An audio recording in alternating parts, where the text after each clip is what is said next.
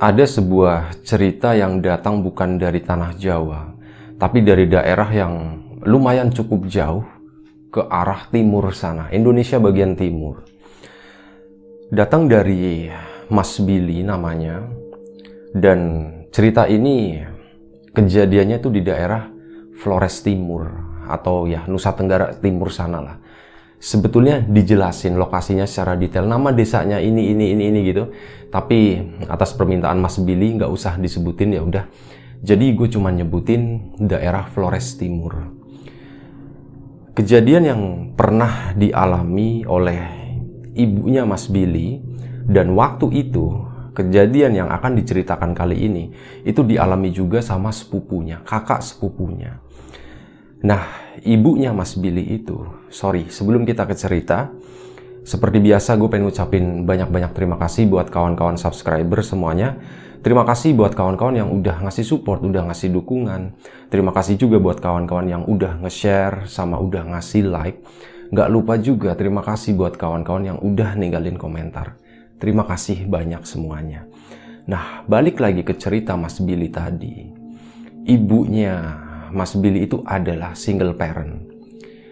Jadi dulu suatu hari bapaknya itu pergi merantau ke Malaysia sana. Tanpa alasan yang jelas bapaknya itu udah nggak pernah pulang lagi. Dan ya semenjak hari itu ibunya itu harus banting tulang bekerja sendirian untuk ngerawat anak-anaknya. Dan apa yang dilakukan sama ibunya itu adalah dengan cara berjualan sayuran, sayur uh, kangkung ya. Kangkung yang benar-benar dipetik dari sawah terus dibawa ke pasar. Udah seperti itu. Dan biasanya itu dilakukan setiap pagi ya. Sekitar jam 4 jam 5 ibunya itu udah harus bangun nyiapin sarapan untuk anak-anaknya. Setelah itu baru berangkat ke arah kebun atau sawah tadi. Hari itu bersama kakak sepupunya, kakak sepupunya Mas Billy ya, mereka berdua berangkat dengan ibunya menyusuri jalanan desa, jalanan desa di Flores Timur, yang kebetulan gue nggak ada gambaran validnya itu seperti apa. Tapi kalau misal gue bayangin, Flores Timur itu mungkin ya nggak jauh beda dengan kayak daerah-daerah di ya Nusa Tenggara Barat situ.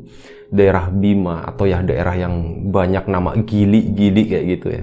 Kawan-kawan mungkin yang udah pernah ke Indonesia Timur sana cukup familiar dengan nama-nama di sana. Ya panoramanya kurang lebih seperti itu ya.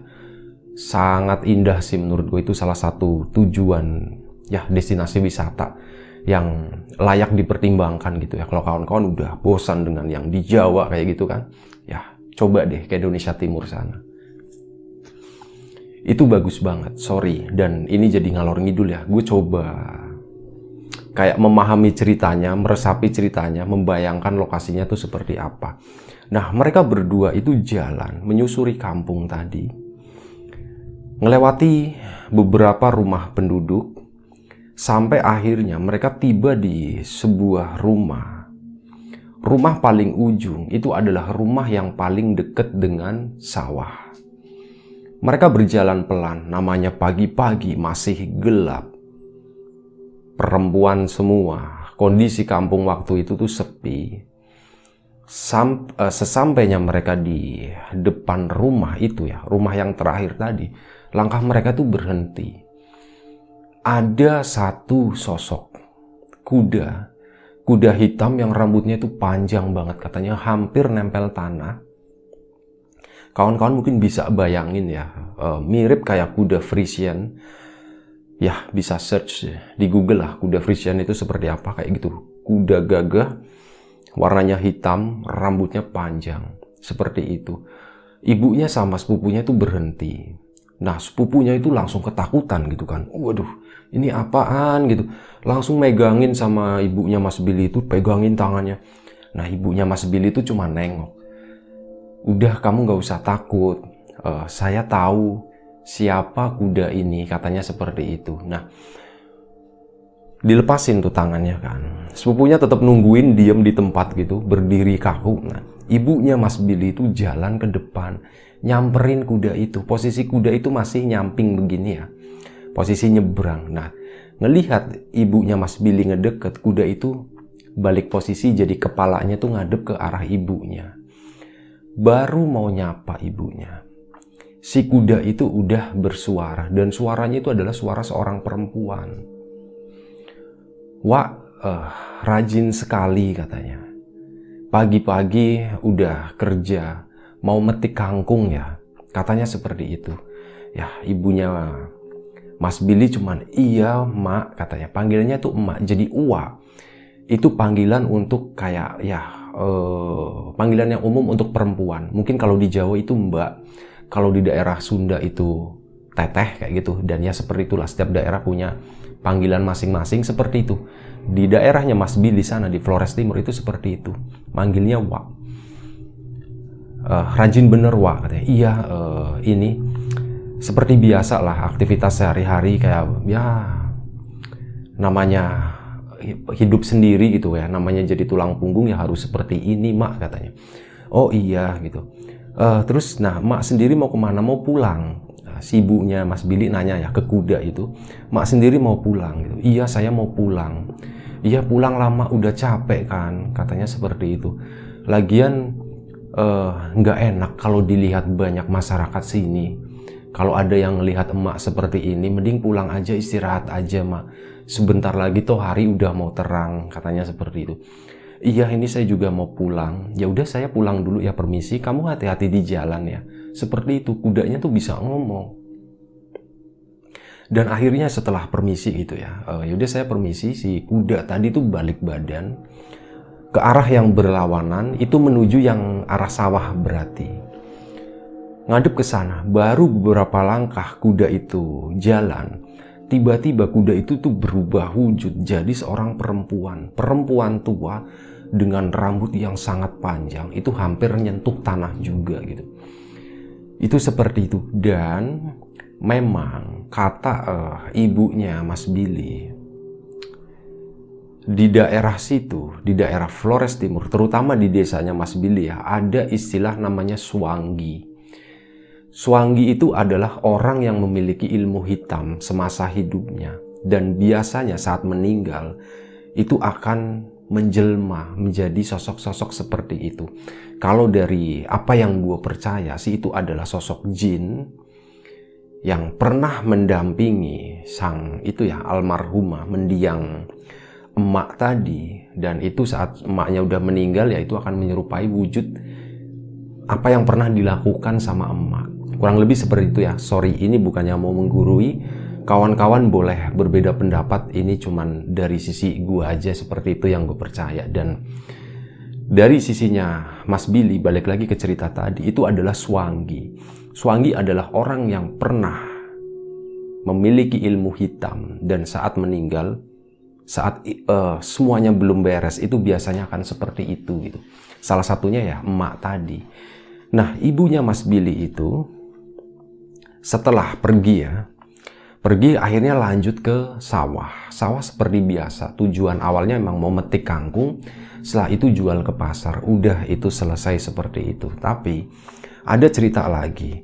Jadi begini, sosok emak atau sosok suanggi yang menjelma menjadi kuda hitam itu itu adalah masih masih sanak saudaranya.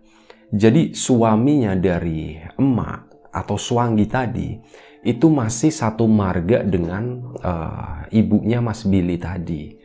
Jadi mereka saudaraan dan kebetulan ibunya itu adalah seorang pemandi mayat. Tuk, uh, orang yang ditugasi sama uh, adat istiadat setempat ya untuk memandikan mayat seperti itu. Saat emak tadi meninggal itu yang mandiin juga emaknya Mas Billy waktu itu. Dan seminggu sebelum meninggal itu sempat sakit lama gitu ya. Tapi karena penduduk itu takut dan para penduduk warga itu udah tahu kalau emak itu adalah sosok suanggi yang ya lumayan ditakuti gitu. Jadi hampir nggak pernah ada orang yang berani datang ke rumahnya. Mereka itu takut, takutnya saat disuguhin sesuatu itu kayak semacam udah dijampi-jampi gitu dan ya takutnya ada semacam apa ya impact buruknya gitu.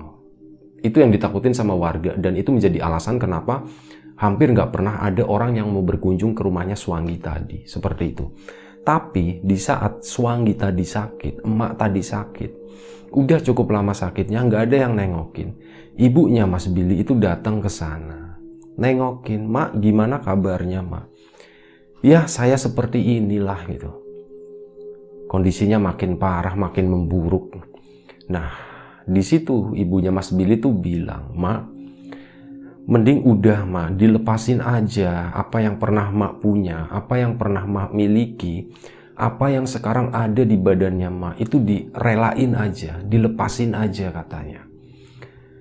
Iya, saya juga memang mau melepaskan ini semua. Kata maknya seperti itu. Dan setelah maknya tuh bilang seperti itu, tiba-tiba badannya emak itu kayak kejang begini. Ibunya Mas Billy mundur, menyaksikan itu kejang begini ya. Dan entah kenapa nggak tahu juga penyebabnya apa. Ibunya Mas Billy itu ngelihat ada sesuatu yang keluar dari badannya emak tadi. Keluar pelan pelan. Bukan bentuk yang solid padat gitu nggak. Tapi lebih kayak bayangan agak sedikit transparan. Itu keluar pelan pelan. Dan itu adalah sosok buaya itu yang pertama, buaya itu kipat-kipit, kipat-kipit gitu. Terus dia lari nembus tembok keluar, bes hilang aja. Selanjutnya, saat ya masih di situ ya, masih ditungguin gitu, masih kejang nggak gitu. Sambil ya agak sedikit berteriak kayak nahan sakit mungkin ya. Tiba-tiba ada yang keluar lagi. Itu ada sosok ular. Banyak lah intinya yang keluar di situ. Pelan-pelan pelan dikeluarin sampai akhirnya uh, so, uh, emak tadi tuh kayak udah merasa tenang. Dia udah ya udah kayak hah gitu ya. Dan dia pun tenang akhirnya tertidur. Nah di situ udah emak, uh, ibunya Mas Billy itu pulang. Seminggu kemudian baru emak tadi meninggal. Dan yang uh, mandiin itu ibunya Mas Billy tadi Nah, di sana, di Flores Timur, saat ada orang meninggal, itu ada namanya ritual, sebuah ritual uh, warga sekitar itu istilahnya sembayang arwah. Sorry kalau lupa nyebutnya. Itu sembayang arwah. Jadi kalau mungkin kalau di orang Islam atau di orang Jawa itu ya kayak semacam tahlilan begitulah. Semacam tahlilan seperti itu intinya mereka mendoakan arwahnya supaya tenang, supaya nyaman di alam sana dan acara itu sekitar tiga hari. Para penduduk itu biasanya kan kalau misal ada orang meninggal terus ada acara seperti itu, itu kan suka pakai perabotnya atau memakai bahan makanan apa pun yang ada di rumah situ ya, di keluarga situ. Tapi di kasusnya Swangi ini, ini nggak ada satupun yang berani ngambil makanannya, nggak ada yang berani pakai perabotnya.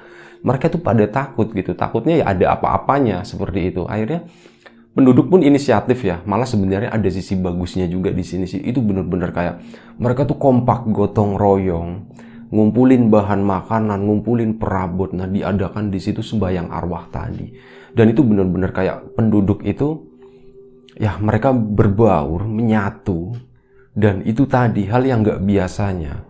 Mereka tuh pada bawa nyumbang sesuatu ya. Oh saya punya ini saya punya itu saya punya dimasaklah. Akhirnya ya itu tadi. Acara sembahyang arwah pun selesai dengan lancar. Dan setelah itu memang ada isu atau rumor yang beredar kalau emak atau suanggi tadi itu sering munculin diri wujudnya itu berubah-ubah. Tapi yang paling sering itu wujudnya itu kuda hitam.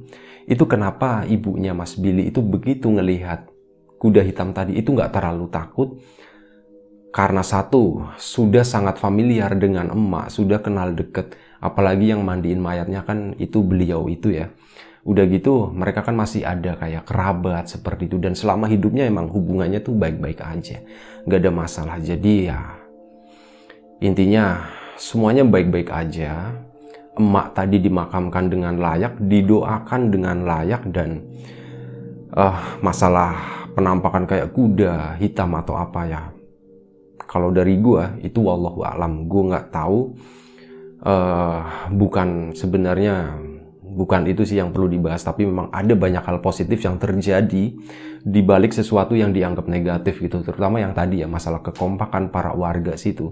Kebayang sih warga-warga uh, kampung pedusunan kayak gitu yang terutama yang di sana ya yang jauh-jauh dari kayak pusat ibu kota gitu. Mereka ya itu senang aja kalau ngelihat mereka tuh kompak kayak gitu melakukan ritual atau melakukan sebuah budaya adat istiadat itu kayaknya tuh menyenangkan banget gitu. Nah itu salah satu cerita dari Mas Billy. Gue mohon maaf misal ada yang kurang saat menceritakan, mohon dimaafkan gitu. Terutama buat Mas Billy ya. Dan sebenarnya ada satu cerita lagi. Oh ya di awal itu gue lupa ya. Gue rencananya mau ceritain dua cerita yang memang agak mirip dengan kasus Wangi yang ada di tanahnya Mas Billy uh, di Flores Timur yang kebetulan sekarang itu udah hijrah ke daerah Kalimantan. Kalau nggak salah Pontianak atau Banjarmasin, lupa ya. Pokoknya di situ. Terima kasih Mas Billy udah nge-share ceritanya. Nah, ini ada cerita kedua yang mirip. Jadi, kejadian udah lama banget nih. Ini masuk cerita kedua ya, bukan Suwangi yang tadi. Dan kejadiannya ini di, di kejadian ini tuh di tanah Jawa. Ada uh, seorang kakek itu yang terkenal sakti. Ini gue dengar dari beberapa temen, dari beberapa tetangga tentang cerita ini. Kemungkinan kebenarannya lumayan besar. Kemungkinan ya, kenapa gue bilang kayak gini ya? Karena gue dengar nggak cuma dari satu orang, tapi dari beberapa orang dan beberapa dari mereka adalah orang-orang sepuh juga yang katanya pernah menyaksikan hal ini juga yang kebetulan waktu itu masih hidup tapi sekarang yang sepuh-sepuh itu uh, sudah meninggal semua ya ada masih yang hidup satu dua orang itu masih ada. Nah dulu ada seorang kakek-kakek yang terkenal itu sakti banget. Zaman pendudukan Belanda kalau nggak salah ya Belanda oh Belanda bukan Jepang Belanda. Dulu saat Belanda itu kayak uh, melakukan sweeping gitu ya ke rumah-rumah penduduk si kakek ini kan termasuk yang rebel ya. Dia yang termasuk pejuang gitu. Pejuang tanpa seragam. Jadi memang masih bergerak sendiri-sendiri. Seperti itu mereka yang menantang menentang ya itu tadi menentang Belanda dan Belanda pun sweeping nyari yang seperti itu terutama yang kayak pendekar atau apa seperti itu. Orang-orang sakti lah. Dan biasanya saat Belanda itu masuk ke rumah dia, si kakek itu pun akan berubah wujud dan berubah wujudnya itu menjadi seorang bayi. Dia akan menangis layaknya seorang bayi, istrinya pun bingung, ini bayi siapa? Itu pas pertama kali ya. Ini bayi siapa kok ada bayi di sini? Tapi bayinya tuh udah rapat kayak pakai baju begitu. Ini bayi siapa? Nah udah gitu nggak lama, tentara Belanda itu datang, guduk guduk guduk guduk naik ke atas masuk aja gitu ya tengok tengok tengok tengok cari nggak ada oh nggak ada laki-laki di situ cuman ada ya nenek-nenek sama ada beberapa anak kecil gitu cucu-cucunya. Di situ ya Belanda itu keluar lagi. Dan emak itu yang nggak tahu dengan wah ada bayi ini bayinya siapa? gitu kan. Bayi diliatin gitu dibukain pas di, tapi kondisi Belanda itu udah pergi udah agak tenang bayinya dibukain mau digantiin pakaiannya gitu kan. Pas mau dibukain kaget astagfirullahaladzim gitu. Bayi bayi tua ini katanya. Jadi mohon maaf ya memang secara fisik itu wujudnya bayi, cuman satu bagian aja. Itu yang wujudnya bukan bayi, yaitu bagian itunya, bagian jambunya itu. Jambu sama terongnya itu punyanya si aki-aki tadi, si kakek-kakek tadi, si orang pinter tadi ya. Istrinya familiar lah. Lah ini kan kenal jambu sama terong ini gitu kan. Udah kenal, wah ditutup lagi gitu kan. Udah nggak ngerti nih mesti Ki, ki, ki, katanya kayak gitu. Kenapa jadi bayi gitu? Nggak lama setelah itu. Minta sama istrinya, e, Mak, pindahin saya ke kamar. akhirnya dipindahin ke kamar tutup pintunya. Bayinya bisa ngomong ternyata. Ditutup grup. Pas dibuka mak buka lagi itu udah berubah jadi si kakek tadi. Itu pertama seperti itu. Nah yang kedua itu dulu kan orang dulu. Rumahnya kan masih sangat sederhana ya. Bawahnya alasnya tuh cuman tanah. Masih pakai kayak pelepah uh, daun kelapa ya. Kayak yang di sawah-sawah itu apa sih? Gue biasanya inget cuman giliran cerita kayak gini tuh suka lupa gitu. Nah itu rumahnya masih kayak gitu. Uh, bawahnya kan uh, ini ya apa namanya tanah. Anak-anak cucu-cucunya termasuk semuanya anak-anak kecil itu semuanya tidurnya di bawah belum ada ranjang gelaran ramean lampunya pun cuman pakai lampu minyak yang sangat minimalis itu damai banget lah pokoknya. Tapi ada satu kejadian tengah malam salah satu anaknya itu eh salah satu cucunya yang masih kecil usianya mungkin sekitar 6-7 tahun laki-laki tiba-tiba dia tuh ngejerit-jerit kesakitan kakeknya langsung bangun kamu kenapa? Kue ngopo? Kue kenapa kena, kena ngopo? Si cucunya itu cuman megangin leher doang a a a, a sambil teriak wah gitu sama a a a wah kayak gitu doang. Wah ini kenapa kenapa? Akhirnya sama si kakeknya diambil di uh, tidurin ya. Tidurin di bawah lagi sambil dipegangin. Kayak dipegang gini di sini ya tuh set gitu. dikeluarin lagi begini. Bus don ternyata itu keluar kelabang kelabang yang ukurannya cukup gede kalau ditunjukin tuh segini. Ini kurang lebih sekitar 17 cm lah 15 sampai 17 cm itu ya kelabang lumayan gede kan itu ternyata masuk pas si cucunya tadi tidur. Dan alhamdulillah berhasil dikeluarin. Itu yang kedua. Ada lagi nih yang agak-agak mirip dengan suanggi tadi.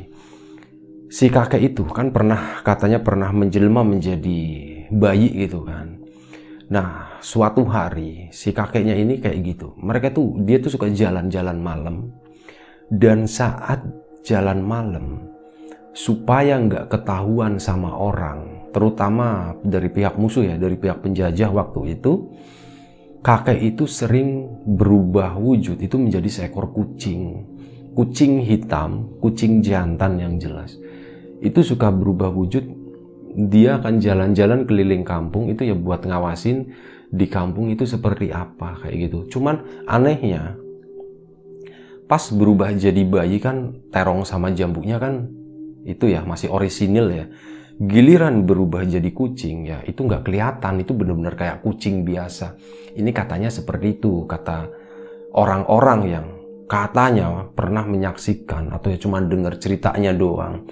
Itu seperti itu dan sampai akhirnya kakek sakti tersebut ya namanya manusia ya pasti akan meninggal kan di usia kurang lebih sekitar hampir 100 tahun, 98 tahun, kakek itu pun meninggal karena sakit. Nah, semenjak kakek itu meninggal, di rumah itu, itu sering ditemuin ada kucing hitam di sana yang ada enggak, ada enggak. Kalau misal ada yang lewat depan rumahnya, terus ada yang nyapa gitu.